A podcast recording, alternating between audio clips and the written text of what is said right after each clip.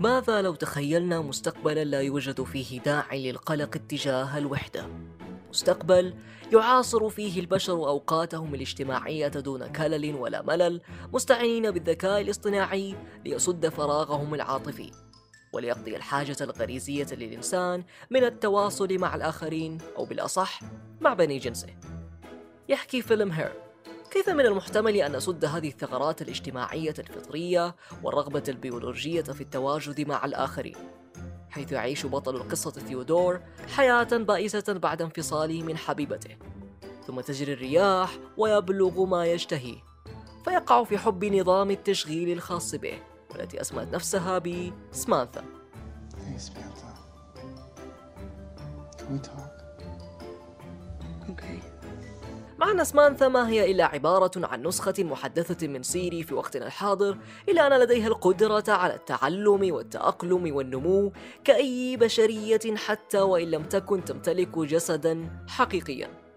وتنتهي القصة الرومانسية المبهجة والغريبة في نفس الوقت بتعطل كل أنظمة التشغيل بشكل نهائي من قبل مزودي الخدمة.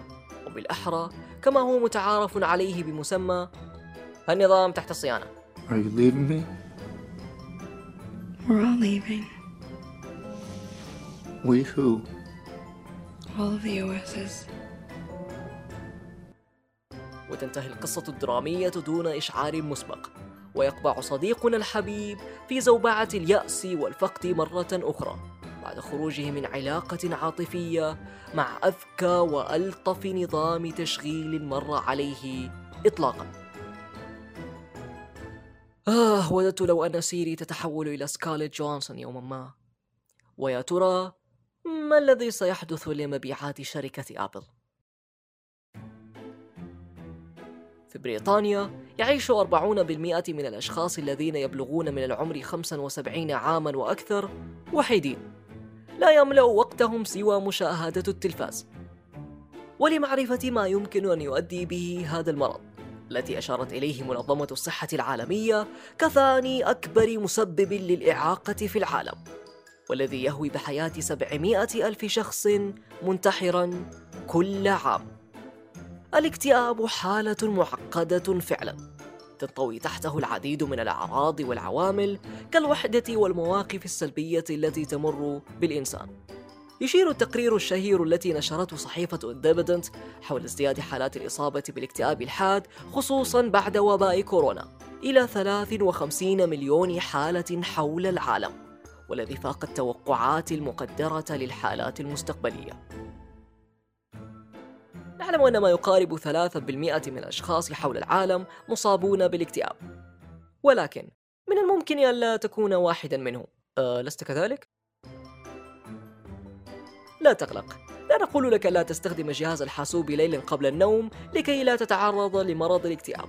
أو أن المشروبات الغازية التي تبرد عليك حرارة الأجواء ستكون عاملا يعدك لتكون مكتئبا بشكل عميق وغير واعٍ. أو أن استخدام الإنترنت ولعب الألعاب الإلكترونية لأكثر من أربع ساعات يعد من أعراض الاكتئاب. لا تقلق من هذا كله. الدنيا حلوة زي المشمش. شبح الاكتئاب يسيطر على العالم. فلما القلق؟ فشركات الأدوية تعمل جاهدة على جني أرباح مليارية ضخمة للحد من هذا المرض. أليس كذلك؟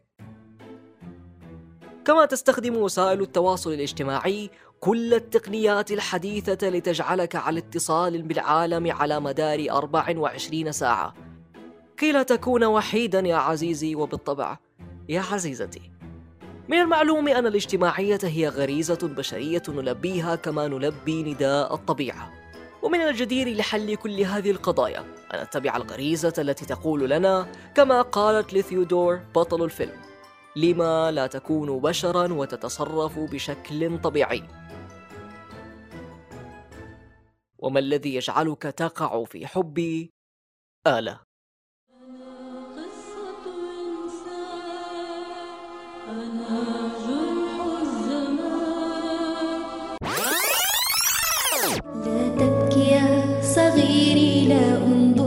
نحو السماء من قلبك الحريري لا لا تقطع الرجاء.